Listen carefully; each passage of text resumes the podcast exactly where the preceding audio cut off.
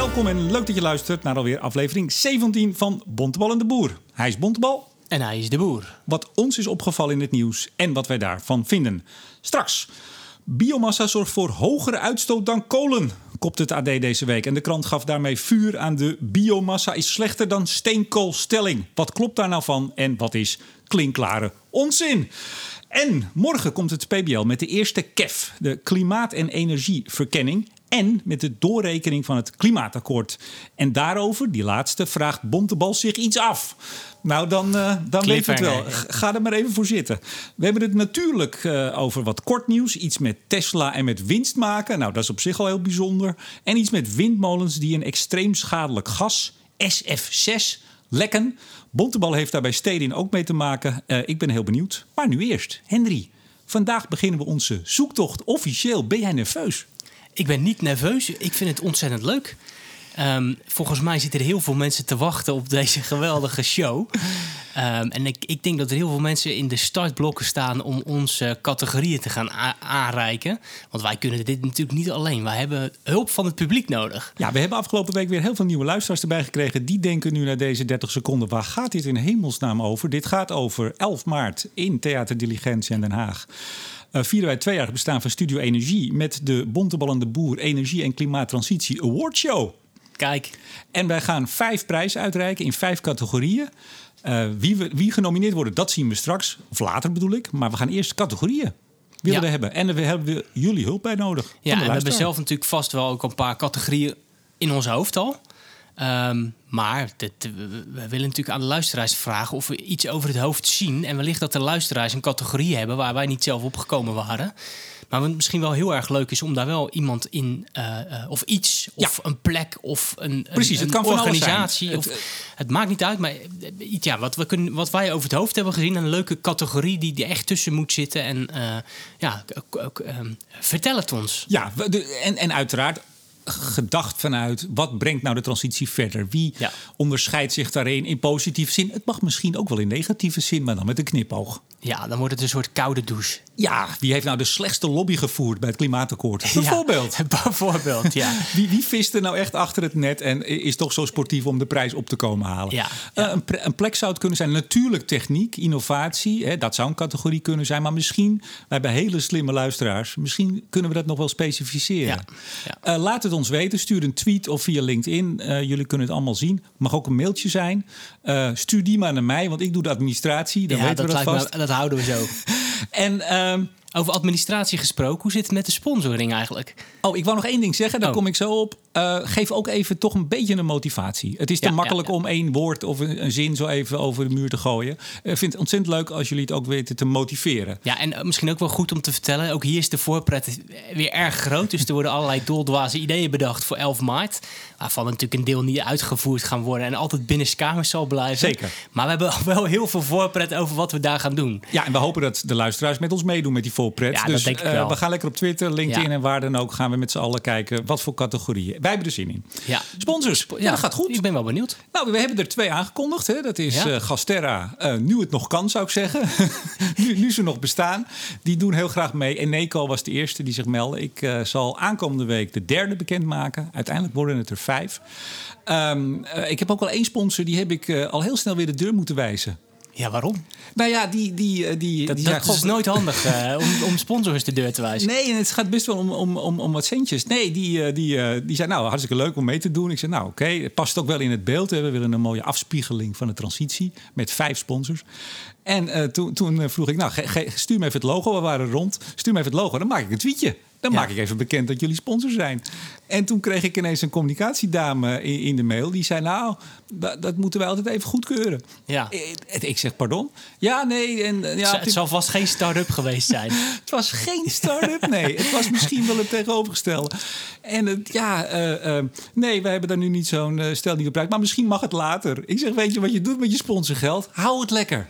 Ja. Dus, dus we zijn. Ik had er ik al. moet je niet te vaak doen, hè, meneer de Boer? Want anders hebben wij straks geen show op 11 uh, maart. Die show komt er. We hebben zoveel uh, uh, ontzettend leuke reacties. krijg ik voor, vooral ook, ook van bedrijven die zeggen: God, wat leuk. En kunnen we er iets mee doen? Dus ja. dat komt helemaal maar goed. Maar we moeten het ook een beetje relativeren. Hè? Want waarom is, die, waarom is dat zo succesvol straks? Dat is ook omdat het gewoon een hele leuke netwerkborrel wordt voor alle belangrijke eh, en geïnteresseerde mensen uit de energiesector. Dus als, als de luisteraar denkt, die, dat uurtje met die bontebal en de boer, dat, dat zing ik wel uit en dan wordt het echt leuk, dan is het ook prima om te komen. Het is allemaal prima. We gaan er gewoon een ontzettend leuke dag van maken, net als de vorige maart dit jaar. Naar de inhoud, want we hebben alweer veel te lang. We zitten al op vijf minuten. Ehm, biomassa. Ja. AD, afgelopen week. Eh, ja, ik zei de kop al. Hè? Eh, biomassa zorgt voor hogere uitstoot dan kolen. Nou ja, en jij weet het ook. Dan rolt het alweer door alle media en over de social media. Zie je wel dat steenkool, hè, of uh, biomassa slechter is dan steenkool. Wat vond je ervan? Nou ja, allereerst natuurlijk, waarom popt zoiets opeens op? Dat is natuurlijk altijd interessant. Het is tamelijk onvoorspelbaar waarom opeens zo'n discussie weer uh, zo sterk naar boven komt. In nou, dit geval kwam DNVGL met een rapport. Dat kwam ja. smiddags, maar AD had dus al uh, dat ingezien. En uh, in opdracht van het ministerie van uh, Infrastructuur en Waterstaat... naar inderdaad van, nou ja, vergelijk dat nou eens... Ja. tussen steenkool en biomassa. Ja, nou, het staat natuurlijk in de context van een langere discussie over biomassa. Want we hadden begin oktober hadden we natuurlijk de, nou ja, de, de koepels van wetenschaps ja, hoe zeg je dat? De, de, de, de EASAC, dus de Europese koepel van wetenschapsclubs die met elkaar ook over biomassa hadden nagedacht en ook tot de conclusie kwamen van nou, biomassa is niet uh, voor het klimaat alleen maar feest. Dus die discussie over biomassa loopt natuurlijk al een tijdje. Waarbij er natuurlijk uh, felle voor- en, en, en uh, vooral felle tegenstanders zijn. En ook een aantal voorstanders. En wij gaan nu licht scheppen in de duisternis? Nou, niet helemaal, maar misschien wel oh. aangeven wat we, wat we er deels van vinden. Kijk, dat DNVGL-rapport sowieso... Um, um, er wordt geciteerd uit uh, rapporten die dan op dat moment nog niet beschikbaar zijn voor iedereen. Dus dat ik werd gebeld al... door een uh, radioprogramma die ochtend uh, of ik daar ook iets mee kon. Ik zei ja, dat rapport is er nog niet. Ik nee. zei ik heb helemaal geen zin en jullie zouden het misschien ook niet moeten doen om alweer te gaan reageren op een ja. AD-artikel. Doe dat nou niet. Ja. Nou, en als je vervolgens, want ze hebben natuurlijk na aanleiding van die discussie, uh, was de NVGL volgens mij not amused dat dat gebeurde. En toen hebben ze op een gegeven moment ervoor gezorgd dat het rapport alsnog die dag of de dag daarna online komt te staan.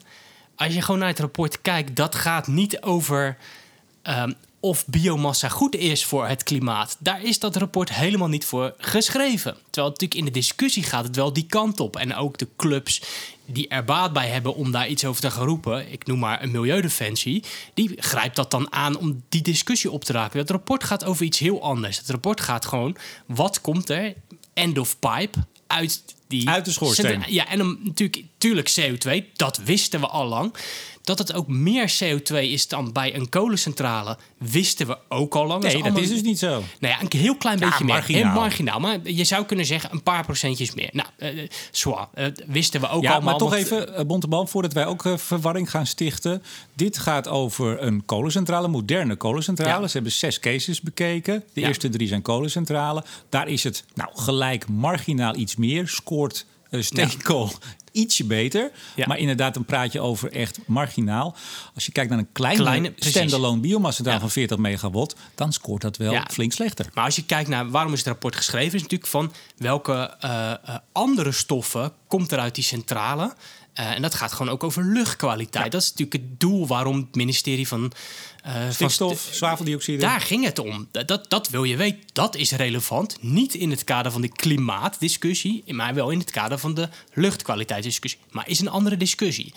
Ehm, en als je dan een aantal conclusies uit het rapport zou willen trekken, dan zou je kunnen zeggen: Nou, bi- eh, biomassa in zo'n grote kolencentrale stoken is beter dan het in allemaal kleine kolens of in kleine centrales of kleine installaties stoken.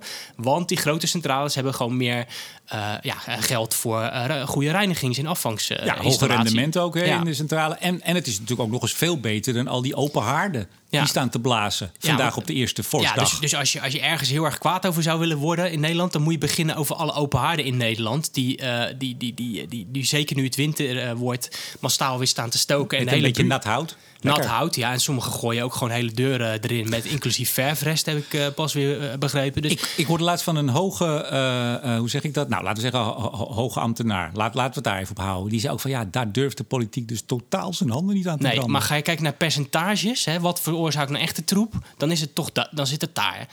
Ehm, het gek is natuurlijk dat die discussie nu wordt, wordt aangepakt om biomassaverbranding als klimaatmaatregel ter discussie te stellen, terwijl dat rapport daar helemaal niet voor bedoeld is. En dan is het fascinerend natuurlijk weer dat zowel de extreme aan links als aan rechts daarmee dan hoort op gaan. Zullen we zeggen groen en fossiel? Zullen we het zo doen? Ja, nou ja, beide kanten. En, en wat ook denk ik heel interessant is, is dat, en dat vind ik een goede ontwikkeling, dat clubs als RWE nu om zich heen beginnen te slaan. En dan zeg ik het een beetje ik zeggen, vind je, het, vind je het slaan of vind je het gewoon Nee, reageren? ik vind het gewoon reageren, maar het is, het- ze zitten er pittig in en ze zijn, het lijkt wel alsof er een beetje klaar mee zijn dat er allemaal eh, dingen geroepen worden eh, zonder dat het een basis heeft. En ik vind het heel goed dat zij nu gewoon op social media, op Twitter, gewoon hard antwoorden gaan geven. Zag je hoeveel bereik ze hebben, hoeveel volgers? Ja, nee, maar, ja, maar ik vind het wel Niks, heel hè? goed. Bijna Nee, maar ik vind toch goed dat ze het doen. Ja, zeker. Eh, en, en, en dan vervolgens komt daar natuurlijk altijd weer een discussie over die antwoorden. Is ook goed, want we moeten niet klakkeloos geloven wat RWE zegt. Zo, Zeker niet. Zo naïef moeten we niet zijn. Ehm, maar dat zo'n club zich actief nu roert in het debat en zegt: ja, jongens, hey, zullen het even op basis wel van feiten doen? En ook echt moeite doet om die feiten op tafel te leggen, vind ik, vind ik heel goed. Maar toch nog even over de rol van biomassa in het klimaat. Want dat is eigenlijk de teneur die onder die, die koppen van kranten en, en tv-programma's... ik geloof dat er gisteravond ook weer een pro- programma was waar het erover ging. Ik vind dat we daar toch ook even over moeten hebben. Ik heb eh, gisterochtend, als mensen dit horen, eh, het bij BNR er nog even over gehad. Ja, weet je, kijk, ik ben wel een beetje klaar met dat eh, steenkool, biomassa is slechter dan steenkool. En dan is het altijd toch in dat Ja. klimaatverband. Ehm, toch even voor onze luisteraars, Henry. We hebben honderden miljoenen jaren heeft zich fossiele brandstof in de, in de aardkorst opgehoopt. Eh, dat was een mooie afgesloten kluis. Daar zijn we nu zo'n 200 jaar, pak een beet, eh, zijn we dat in ras tempo eraan het uithalen. Ja. Dat voegen we extra toe aan de atmosfeer. Dat verstoort de koolstofcyclus die we hebben met bomen, uitstoot, groei, et cetera. Dat is een cyclus die is in die zin nou, min of meer gesloten. Daar voegen wij enorm veel CO2 aan toe door die fossielen. Het eerste wat we moeten doen is fossiel in de grond houden. Zo simpel is het. Ja. En als je het dan hebt over, ja, want dat was het mooie van die cijfers over kolencentrale. Dan zie je dus dat steenkool het fractioneel ietsje beter doet dan biomassa. Dus dan zie je ook dat mensen zeggen, nou zie je wel, steenkool is helemaal niet zo slecht. Ja, dat Ja. is het wel. Ja, en dat dan- is het en, wel. En, en ehm, nou ja, in het DNVGL, we zaten allebei te concurreren over wie het meest snel die disclaimer uit dat rapport gehaald zou kunnen hebben. Eh, ik was de winnaar natuurlijk. Zeker, Eh, de uiteraard. leeftijd gaat op een gegeven moment en reactievermogen ook een, ook een rol spelen. Absoluut. Sommige mensen hebben ook nog werk te doen namelijk. Ja, Anderen ja, niet. Ja, sommige dingen zijn gewoon ook werk, zou ik zeggen. Maar daar zie je dus dat de NVGL netjes zegt van... joh, eh, dit is de, inderdaad, in de andere woorden... maar het is, het is end-of-pipe emissies en...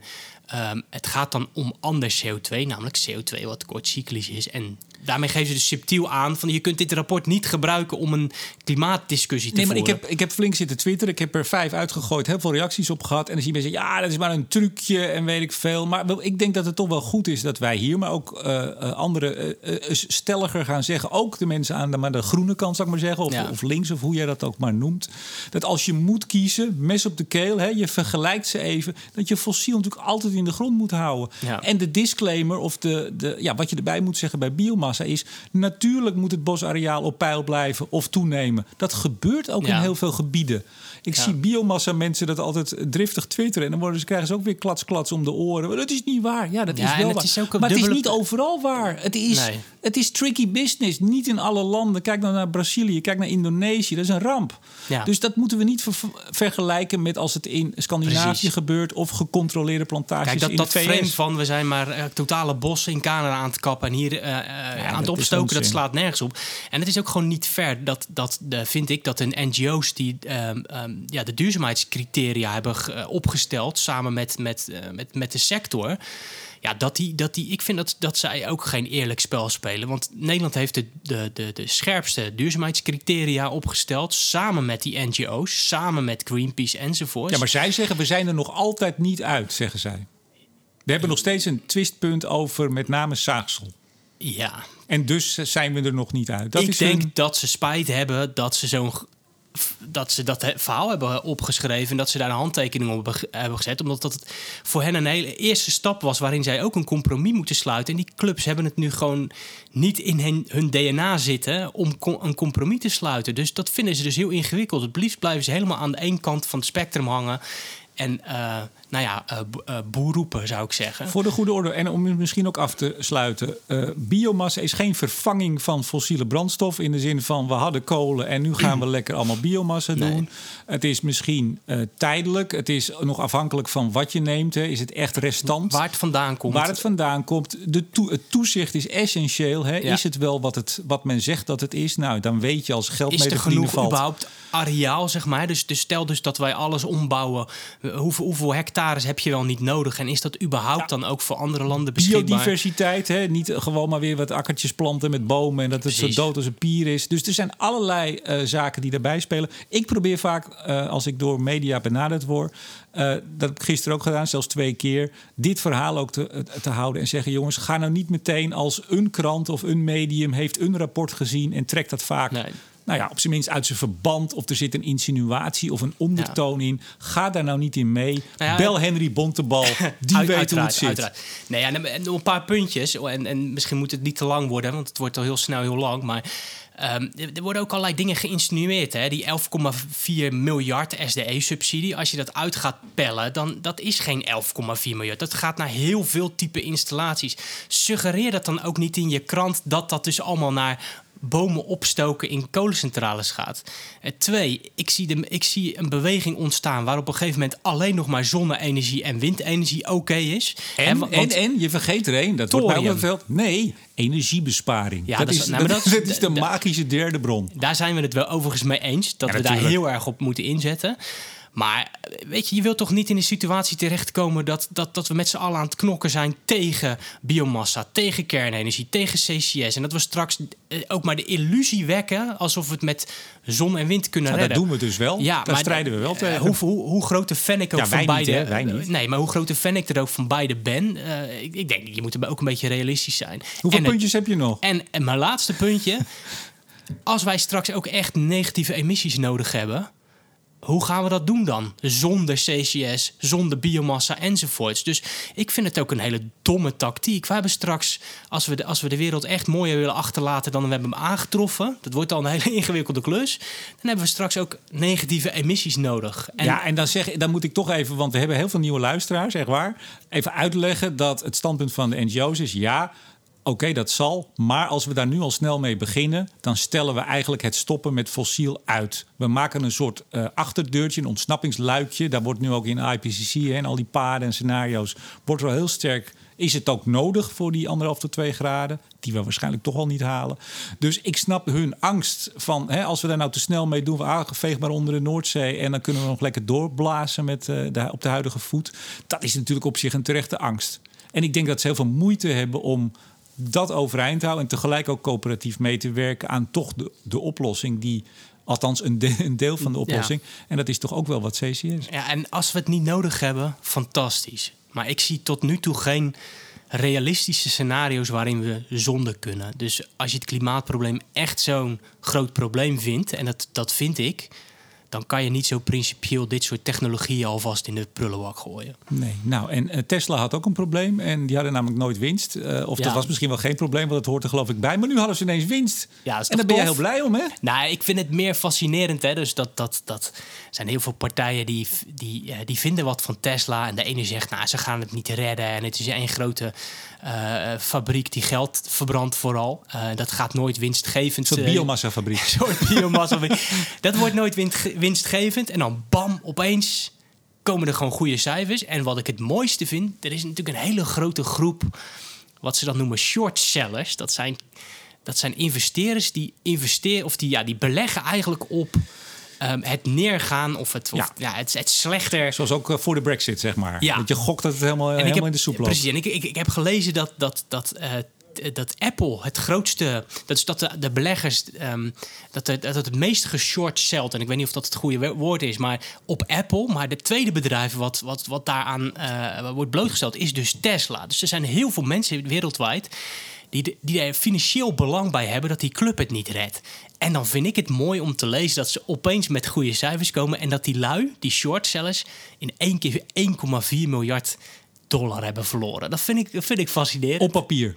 Op papier, ja. Ja, en ja, maar, jij waren weet ook- denk ik toch vrij, vrij ziek van. Ook was het op papier. Jij weet vast ook, jij werkt bij, ook bij een groot bedrijf. Je kunt, met de, je kunt aan de knoppen zo draaien dat je wel of niet op papier winst maakt. Je kunt niet alles, eh, je, kan, je, hè, je kan niet 180 graden de andere kant op zetten. Maar er valt wel wat aan de knopjes Ja, te draaien. maar ik zou niks, niet de het zou me niks suggestie- verbazen dat het ineens volgend kwartaal of volgend jaar weer helemaal fout zit. Ja, maar ik zou niet hier de suggestie willen wekken dat Steding Groep op zo'n manier te werk gaat. eh, Zeker niet. Zeker niet. Als ik die suggesties lijkt te hebben gedaan, Wij is zijn geen. Tesla. Nee. Geen Tesla. SF6, dat is ook iets waar Stedin eh mee te maken heeft. Eh, Telegraaf bracht een artikel, een lang artikel overigens. Ja. Eh, dat we dat, dat is een broeikasgas, eh, extreem schadelijk gas, eh, schreef de krant. Dat lekt, dat lekt uit, eh, uit jullie eh, kastjes in, in de wijk. Dat lekt uit windmolens. Het is een isolatiemateriaal, Ja. nodig bij, eh, bij stroom. Zal ik maar even heel simpel zeggen. Ja. En eh, nou, dat doet nogal wat. En eh, wat vinden wij daarvan? Nou ja. ehm, Is het erg? eh, ja, want het is een broeikasgas. Ehm, ehm, de Telegraaf is natuurlijk begonnen met dit verhaal omdat de BBC daar eerder mee begonnen is. Een maandje geleden of zo. De Ik BBC twitterde dat in september. Dirty Little Secret was Ja. de titel van het ja, stuk. jij bent overal de eerste, hè? Nee, jij bent, jij internation- bent de eerste en dan ik soms. Ja, jij bent, jij bent in- internationaler. Nee, ja, ehm, BBC had eerder een verhaal. Dat ging met name bij hun ook echt over de elektriciteitssector. Ehm, en eh, ja, dat spul dat zit dus in bijvoorbeeld schakelinstallaties. En ehm, dat SF6 dat is dus een eh, heel sterk broeikasgas. Ongeveer 24.000 keer zo sterk als CO2. 23.000 heb ik 23.800 geloof ik, meneer de Boer. Dus als je het, ga maar na. Oh, en het is zwavelhexafluoride. Wil je Dat dit is misschien even, ook goed. Ja, precies. Maar wil je dat na de uitzending toch even checken? Nou, het leuke is dat, dat gaan onze 23.800. luisteraars doen. Dat gaan onze luisteraars doen. nou Want die wat- namelijk ook op mijn tweetje toen in september van het BBC-verhaal. van, ja, we zijn al lang bezig in Nederland. Ik had een aantal experts die Ja. daar ja, we zijn lang bezig met alternatieven. Ja, nou, het, het verhaal van de Telegraaf. Ze hebben natuurlijk een beetje gezocht naar eh, van we hebben een stok en welke hond gaan we slaan. Dus eh, en dan is het natuurlijk altijd leuk om de windmolensector. Maar vond je het zo negatief? Want op zich, Nou- wat er stond, klopt wel. eh, ja, Voor zover ik het kon tuurlijk, beoordelen. maar ik zou dan niet als eerste de windmolenindustrie pakken, want volgens mij eh, is, is wat daar eh, vrijkomt marginaal. Kijk, ehm, het zit gewoon bijvoorbeeld in schakelinstallatie, bijvoorbeeld in middenspanningsstations. Ehm, en eh, het is een heel schadelijk broeikasgas. En ehm, het is natuurlijk heel weinig, maar omdat het zo schadelijk is, kan het wel effect hebben. Ehm, er zijn al fabrikanten van die mi- middenspannings, van die schakelinstallaties, die al gewoon bezig zijn om dat hele broeikasgas eh, eruit te krijgen. Alleen, ja, die installaties zijn soms duurder. Dus dan is het aan bijvoorbeeld de netbeheerders van ja, gaan we dan meer geld investeren in zo'n schakelinstallatie zonder SF6? Eh, ja, dat is dus een, een, Maar is het technisch, duurzaamheids- technisch is het er al, of nog ja, net niet? Ja, nee, het is er. Het en, is er. En, en sterker nog, eh, bij Stenen hebben we dit natuurlijk op het netvlies. En in Middelharnis staat nu zo'n installatie met, eh, of zeg maar zonder SF6. Dus die schakelinstallaties eh, zijn er en die worden nu ingezet. En eh, bij Stenen zijn we natuurlijk wel echt aan het kijken van kunnen we dat, ja, kunnen we dat vaker doen? Het is toch misschien even van belang, want als het 23.800 keer sterker is, heb ik net gehoord, dan dat klinkt natuurlijk heel zwaar. En de Telegraaf had het ook over 18 miljoen kilo, het equivalent. Jullie als netbeheer, 770 kilo lekt er weg. Eh, eh, schreef de Telegraaf. Dat is het equivalent van 18 miljoen kilo CO2. Nou, 18 miljoen, als je dat leest. Mijn moeder leest de Telegraaf. Eh, die denkt dan, oh hemel, Ja. dat is wel heel erg veel. Dat is voor de snelle rekenaar, of de mensen die dat gewoon al lang weten, 0,018 megaton. En als je dat weer afzet tegen onze totale Nederlandse Ja. uitstoot. En dames en heren, daarmee zeg ik niet, laat maar gaan. Dat zeg Nee. ik niet. Dek me vast in. Is dat 0,009 procent van onze Ja. totale uitstoot. Overigens, Wind Europe heeft ook meteen gereageerd, althans de NWA. Zij zeggen dat eh, alle 100.000 windturbines in Europa jaarlijks 150 kilogram van dat spul lekken. Ehm, eh, en dat is eh 3525 ton CO2. En dat is 0,001% van de CO2 die vermeden is dankzij die Ja. windmolens. Ja. Om het toch even in perspectief te zetten. Niet om te zeggen, laat maar gaan, doe er maar niks aan. Maar het is nou niet dat het eh, de zwaarste, grootste bijdrage heeft. Nee, maar heel veel van die kleine stapjes maken één grote stap. Zeker. Ehm, dus het is goed als bedrijven daar iets mee doen. Goed dat, denk ik, eh, netbeheerders ook iets mee doen. Ehm, Middelharnis, daar begint de victorie. Nou ja, maar er zijn ook dus fa- fabrikanten die, eh, van, die, van die installaties. Er is één fabrikant bijvoorbeeld, die, die heeft nu, eh, of nou, nu een paar een tijdje geleden ook al gezegd... we gaan alleen nog maar SF6-vrije installaties eh, produceren. Dus ook daar gebeurt het. En ehm, het laatste wat ik erover zou willen zeggen... ehm, dat die stoffen nog gebruikt mag, mogen worden... komt natuurlijk ook omdat de Europese Commissie het nog toestaat. Ik, mijn pleidooi zou zijn dat in de volgende herziening van die richtlijnen... dat daar gewoon ook even eh, dat F- SF6 uitgeschreven wordt. Er zijn dus blijkbaar eh, installaties die dit al kunnen. Nou, volgens mij moet je dan zeg maar als Europese Commissie de best de beste techniek moet je de norm maken en misschien wat tijd geven. Maar ik zou gewoon zeggen, Europese Commissie, Europarlement, zorg gewoon dat die SF6-vrije installaties gewoon ehm, de norm worden. En Misschien dan- moet je even de, CDA, eh, de CDA's in, in Brussel even aanschrijven. Of even, even bellen. Of even appen. Zoals jij dat Misschien heb ik dat een aantal weken geleden al gedaan. Goed zo. Of Frans. Frans even rechtstreeks. Frans, ja, via, via, via Diederik. Hoe, hoe jij wil. Ehm, klimaatakkoord. Morgen. Althans Ja. vandaag, als mensen dit horen. Om 12 uur komt eh, de, de eerste KEF. eh, De opvolger van de NEF. De Nationale Energieverkenning. Ehm, en er komt de doorrekening, en dat is een spannende natuurlijk, van het klimaatakkoord. Ja. Want eh, de eerste, het ontwerpakkoord, daarvan zei PBL, nou dat is, dat is niet voldoende, daar gaan jullie het niet mee halen. Nee. Toen heeft het kabinet ja, ingegrepen, kunnen we zeggen. Eh, en de beoordeling daarvan, die komt eh, morgen. Ehm, maar maar, maar jij, eh, jij vraagt je iets af überhaupt over het klimaatakkoord. En dat is denk ik wel een leuke, want we, ja, we kunnen gaan speculeren wat het morgen wordt. We hebben natuurlijk nog geen idee. Geen idee. Geen idee, alle twee niet. Zeker niet. Ehm, maar, maar we kunnen het wel hebben over iets wat jou... En dat, zit- dat zit je al een tijdje dwars. Wij hebben het er buiten de microfoon wel eens meer over gehad. Dan klamp je me aan en zeg je... Remco, ik vraag me iets af. Wat is dat? Nou, ehm, vanuit mijn job denk ik natuurlijk na over. Oh, dit wordt een hele lange aanloop. Ja, ja. Zeg eerst even... Het gaat over de gebouwde Ja, omgeving. ik pak er nu één ding: aan. gebouwde omgeving. De eerste vraag is: hoe zijn we destijds tot de target gekomen? 3,4 Ehm, megaton. Kijk, een van mijn eh, zorgen op dit moment is eh, de manier waarop we de, de verduurzaming van de huidige, de verduurzaming van de gebouwde omgeving eh, oppakken nu. Is ja, hoeveel draagvlak heeft dat? En eh, zijn we mensen straks niet in, te veel in de gordijnen aan het jagen?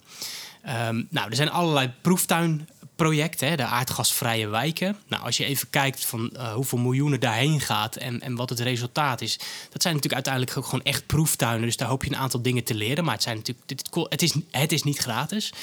Ehm, en ik zit me steeds af te vragen van wat is nou een goede, haalbare, ambitieuze route naar de verduurzaming van de gebouwde omgeving. En is dat dan de route zoals gekozen in het klimaatakkoord? Nou, Ben je er niet wat laat mee misschien? eh, nou, misschien wel, maar eh, het, is niet, het denken daarover is niet net begonnen. Hè? Alleen, ehm, Denken staat nooit stil. dus denken staat nooit stil. Nee, nee. Nee maar ehm, Jij, jij vraagt je af, hoe zijn we aan die 3,4 ja, ik ben er natuurlijk ingedoken, omdat ik daar zelf natuurlijk ook een verhaal over probeer te schrijven op dit moment. Eh, samen met collega's. Ehm, nou, en dan krijg, kom je eerst op de bekende 3,4 megaton. Dus eh, het kabinet heeft een regeerakkoord gesloten, tabelletje erin gezet en gezegd welke sectoren welk, welke reductie moeten doen. Tabelletje van PBL. Ja, tabelletje van PBL dat komt uit een rapport over nou ja, wat de kostenefficiëntie is van verschillende klimaatmaatregelen. Nou, later zijn ze een en ander gaan verfijnen. Dus PBL heeft dat rapport nog verder verfijnd. eh, nog even iets beter gekeken naar de cijfertjes. En op basis daarvan heeft ook Wiebes de definitieve ehm, ja, verdeling over die verschillende sectoren meegegeven aan de onderhandelaars. En dat is die 3,4 megaton geworden. En voor de luisteraar, ehm, wat de luisteraar niet weet misschien, eh, maar wat wel goed is om te beseffen, is dat er überhaupt ehm, al een aantal megaton is ingeboekt. ehm, gewoon op basis van het huidige eh, beleid. Dus ehm, zeg maar, er is 6 megaton al ingeboekt, wat we in de, in de periode 2015 tot 2030 naar beneden moeten. En daarboven komt die 3,4 nog eh, erbij. Nou, als je nou gaat kijken naar die, naar die kostenefficiëntie van maatregelen, vooral in de gebouwde omgeving, is die kostenefficiëntie niet zo best. Kost dat? Nou, eh, kost veel. Ehm, dus je ziet dus dat bepaalde maatregelen bijvoorbeeld in de industrie veel goedkoper zijn als je het hebt over eh aantal euro's per ton vermeden eh, CO2. Ehm, Ja, maar we noemen, noemen ze bedragen. Ja, dat, dat, dat varieert dus heel erg van de verschillende. Dan moet je de verschillende technologieën af. Dus je kunt, je kunt niet ehm, ehm, eh, voor een hele sector zeggen: ja, dat kan wel, maar dan krijg je een hele grote bandbreedte. Oké. Ehm, Maar warmtepompen, ja, nou het ja, warmtepompen, hybride warmtepompen, zonneboilers worden in een soort één categorie eh, gezet. En dan moet ik het even uit mijn hoofd doen, maar dat varieert ergens van tussen de 200 en 800 euro. Nou, kan je nog alle kanten op. Dus je kan alle kanten op. Dat is, dat is een enorme bar- bandbreedte. Nou zit er ook iets geks, omdat eh, het PBL heeft gekeken naar wat is nou een kostenefficiënte route naar 2030. Dan komt er een veel lagere doelstelling uit, namelijk 0,8. 0,8 megaton. Nou, hoe kom je dan toch op die 3,4 megaton uit? Dat heeft ermee te maken dat het PBL heeft gezegd... ja, je kunt nu wel een pad kiezen wat kostenefficiënt is naar 2030... maar ja, voor 2050 hebben we ook nog iets te doen. Dus als je ook dat mee gaat nemen van hoe je eigenlijk doorgroeit naar 2050, ja, dan moet je eigenlijk meer doen dan alleen het kostenefficiënte Was pad. ook wel de opdracht, hè, een PBL. Van, Zeker, ga nou niet ja. tot 230 stoppen, maar kijk wel door en doe Ja. geen gekke dingen die je zelf in de vingers En snijden dat vind, voor ik ook, 250. dat vind ik ook verstandig. Hè? Dus, dus eh, de wereld houdt niet op naar 2030. En eh, als, je, als je einddoel is een koolstofarme energievoorziening... dan moet je dus rekening houden ook met de, alle tech- technologieën die je nog eh, moet, moet bedenken. Maar jij zegt, als het tot 230 was, was het 0,8, 250, 3,4. Dat is een enorm verschil. Ja, en dan hebben we het, dus dat vind ik al een heel groot verschil. Hè, waarvan ik denk, nou, waar komt dat vandaan? Dat, ik vind het echt heel fors. Ehm, en daarnaast natuurlijk die enorme bandbreedtes die er in die, in die, in die, effe- ja, die, die, die, die technologieën zit. En dan komen we wel op een heel specifiek getal, 3,4, niet 3,3, niet 3,5, nee 3,4. hè. Dus dat is dan het getal en daar gaan we mee aan, aan de slag. Ja, ik vind dat best wel tricky. Wat bijvoorbeeld ook niet meegenomen even, wordt. waarom is dat tricky? Ja, omdat het een soort, soort, soort schijnnauwkeurigheid geeft die het, die, het, die het helemaal niet kan hebben. En, Nee, en het tweede maar- wat, ik, wat, ik, wat ik bezwaarlijker vind is van... hebben we nou echt goed gekeken naar een kosteneffectieve route in de eh, gebouwde omgeving? Ehm, eh, of zijn we eigenlijk ja, toch, een, toch een, een, een complexe en eh, dure route aan het kiezen? Een voorbeeld, hè, je kunt wijken inderdaad gewoon... je kunt een gebouwde omgeving per wijk verduurzamen. Nou, er zit een bepaalde logica in, dan heb je het over schaalvoordelen enzovoorts. Ehm, maar als je bijvoorbeeld kijkt naar ehm, de Committee on Climate Change van de, in, in, nou, in het Verenigd Koninkrijk, die de Britse regering adviseert als het gaat over klimaatbeleid, die zeggen iets heel anders. Die zeggen van, nou ja, ehm, eh, een bepaald jaar, dan 2030 of 2035, dus ga gewoon vooral overal hybride warmtepompen pompen ophangen. En na, na dat 2030 of 2035 zorg in ieder geval dat ze dan waterstof ready zijn. Dat is hun route. Dus zij zeggen van ja, gaat dat dus niet eh, meteen helemaal overhoop gooien. Nee, begin eens met die hybride warmtepomp. Haal je al forse CO2-reducties. En eh, wellicht kun je dan met hernieuwbare gassen later ehm, eh, Maar jij zegt- verder aan. Maar jij zegt twee dingen. Ik vind het tricky en is het nou wel echt zo kosteneffectief? Nou, Ja, ik, vind het zo'n zo'n zo'n dun vloertje waarop je zo'n groot kaartenhuis van beleid bouwt. Maar geldt dat dan niet voor de andere tafels? Geldt het niet voor die, überhaupt die 49 procent? Geldt, Misschien geldt wel. dat niet voor Ehm, bijna alles wat in die dikke rapporten staat? Nou, misschien wel, maar ik, ik, ik heb me toevallig even gebeten, vastgebeten in dat, dat gebouwde omgeving verhaal. Ehm, eh, ook, ook natuurlijk, het heeft er ook mee te maken dat netbeheerders natuurlijk daar een hele grote, ook op, ja, grote opgave met na, hebben in met name in die gebouwde omgeving ook. Dus, dus ik kijk even met dat perspe- perspectief naar dat Jij bent nu toch niet een boze boer die zegt dat het RIVM niet deugt, hè? Dat, Zeker dat, dat niet. wordt het toch niet, Nee, hè? maar ik denk ook niet ehm, eh, dat het PBO in dit geval iets te verwijten valt. Ehm, maar het is natuurlijk wel van hoe dat dan gaat. Het PBO maakt zo'n advies en, de, en het kabinet eh, haalt op basis daarvan zo'n pakket eruit. En dat wordt dan maatgevend. En dan gaan we daarop lopen. En dan krijg je het klimaatakkoord met, met al die partijen die dan daar maatregelen... Ja, en op een gegeven moment is het een soort treintje wat niet meer te stoppen is. Ik hoop in ieder geval dat we steeds tussenmomenten inbouwen. En steeds maar wel even blijven kijken van... is dit nou echt een rationele route? Of moeten we toch iets anders, anders Ja, gaan maar- maar jij- jij- roept Want het is echt het is, het is een heel dun vloertje, vind ik... eh, eh, op basis waarvan dit nou allemaal bedacht wordt. Ja, maar jij roept eigenlijk vooral vragen. Persoonlijke mening, hè? Uiteraard, uiteraard. Maar jij roept allemaal vragen op. Maar jij bent ook een eh, politieke junkie. Ja. Eh, politiek is, heeft jouw grote interesse. Ehm, kijk er eens met de politieke bril naar. Want er gebeurt niks eh, zelfs een dun vloedje timmeren, dat gebeurt. eh, nou, Ja, het nee, kan kijk, per ongeluk mijn- gebeuren, maar vaak gebeurt het wel met een reden. Mijn, mijn wat meer algemene kritiek is, is dat we het heel technocratisch aanpakken. Dus we gaan heel erg over megatonnen en dan maatregelen. En er wordt denk ik nog onvoldoende nagedacht over van, ja, hoe nemen we die burger dan nou ook mee in dit verhaal? Hoe zit het met draagvlak enzovoorts? Kijk, als je dit heel, heel dom aanpakt. Eh, en, en dan zeg ik het even wat minder parlementair. Dan jaag je gewoon straks 20, 30 procent van de kiezers richting eh, Thierry Baudet. En dan hebben we over een aantal jaren helemaal geen kli- klimaatbeleid meer. Dus, dus ik vind ook dat je een beetje rekening moet houden met van nou, welk draagvlak is er nou voor dit soort uh, Maar Henry, ik denk, dat dat, ik denk dat je daar niet zo bang voor hoeft te zijn. Want ik denk, uh, en dat zal ik dan wel weer een beetje de pessimistische pet opzetten in dit gesprek. Ik denk dat het niet zo hard gaat lopen. Ik denk dat, dat uh, nou ja, we hebben alle twee het akkoord gelezen. Als je ziet wat daarin staat, wat er moet gaan gebeuren. Dat gaat helemaal niet gebeuren, zeker niet in het tempo. Dus we gaan langzaam uh, oude, oude woningen opknappen. Nou, daar is het het makkelijkst. Voordat echt de, de, de gemiddelde Nederlandse energie, uh, energiebezitter, woningbezitter... Uh, dat er een team aan de deur klopt en zegt: U moet nu iets gaan doen. Dat zal nog heel ver uh, weg zijn. Ik denk dat het heel erg sterk per gemeente gaat afhangen. Tuurlijk. Dus, dus als, als het Rijk de gemeentes bevoegdheden geeft, wat natuurlijk op een gegeven moment wel passend is bij de ambities die ze neerleggen. Hè? Dus je, je, moet wel water bij de wijn doen als, als, als kabinet, als een Rijk. Als je dit allemaal opschrijft, dan moet je ook die gemeentes ook daadwerkelijk de, de instrumenten geven die ze nu niet hebben. Dan zal denk ik heel erg sterk van de kleur van de gemeente afhangen wat er gaat gebeuren. Dus in Utrecht zullen ze het anders gaan doen als in Den Haag of Rotterdam. Eh, of in, of in een VVD-gemeente of wat dan ook. Dus daar zal het denk ik wel heel sterk uh, van afhangen.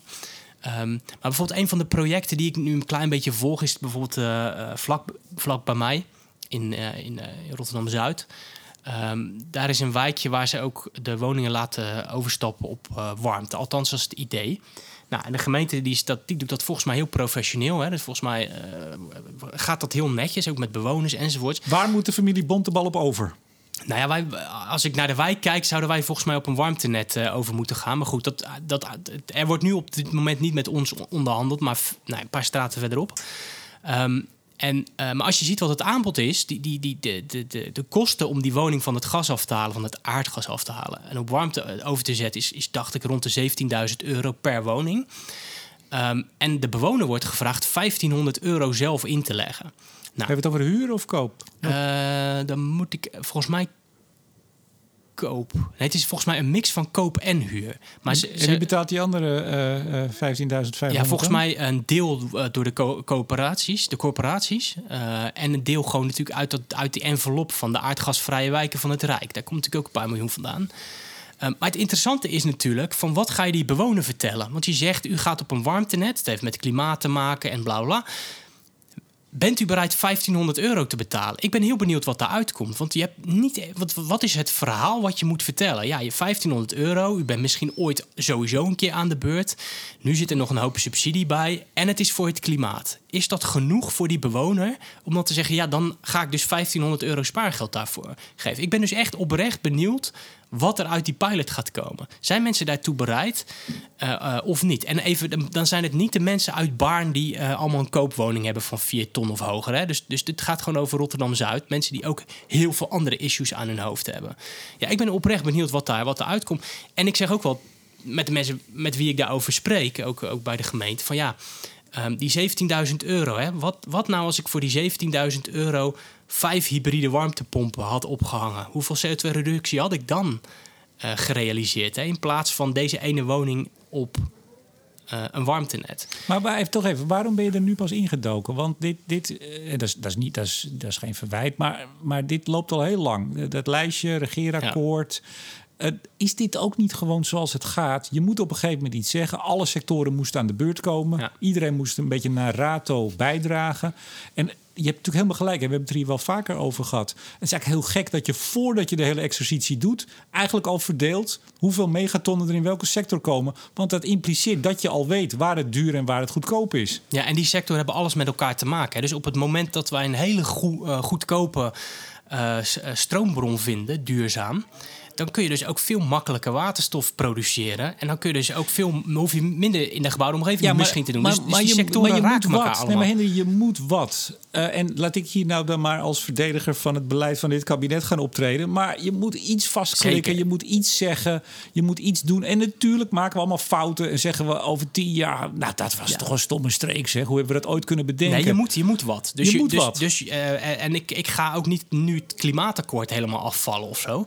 Maar la, laat ik dan zo zeggen, ik hoop dat we de komende jaren wel steeds bezig blijven met gewoon een vorm van adaptief beleid. Dat we steeds wel blijven kijken, is het nog redelijk wat we doen? Eh, hoe veranderen de uitgangspunten? Hè? Want al die uitgangspunten op, waar, waarop het allemaal gebaseerd is, die, die, die va- variëren natuurlijk ook de komende jaren. Wat doen andere landen? Nou, een beetje dat verhaal. Dus ik hoop echt dat we niet, zeg maar, ruksigloos eh, eh, ehm, uitvoeren wat er staat, maar steeds echt wel even heel goed blijven kijken van, is dit nou een dat goede route? Dat gaan we, we toch helemaal niet doen. Dat, dat, en als je Wiebes een beetje gevolgd hebt, eh, die zegt dat ook. We gaan iedere keer aanpassen. We gaan dit iedere dag doen de komende 33 jaar. En daar bedoelt hij mee, hè, nou kijken wat werkt, wat werkt niet. En als mensen dit op vrijdagochtend al horen, de early birds om half zeven, de andere misschien iets later, om 12 uur komt er een enorm pakket naar buiten. Waarin we dus zullen zien wat alles wat we nu bedacht hebben, of wat ze bedacht hebben, wat dat gaat opleveren. Dat zullen ook weer, ehm, dat zal weer van, van alles afhankelijk zijn. En dan gaan we precies weer doen waar jij, wat jij graag wil en wat we eigenlijk allemaal willen. We gaan kijken wat zet zoden aan de dijk, wat niet. En wat moeten we misschien doen. Ja, het is toch mooi dat jij een keer de optimist bent. Ja, nee, maar eh, weet je, het is gewoon. Ik, ik bedoel, het is goed dat je erin duikt en je bent er ook met je werk mee bezig. Hè. Jullie moeten in die wijken nu aan de slag.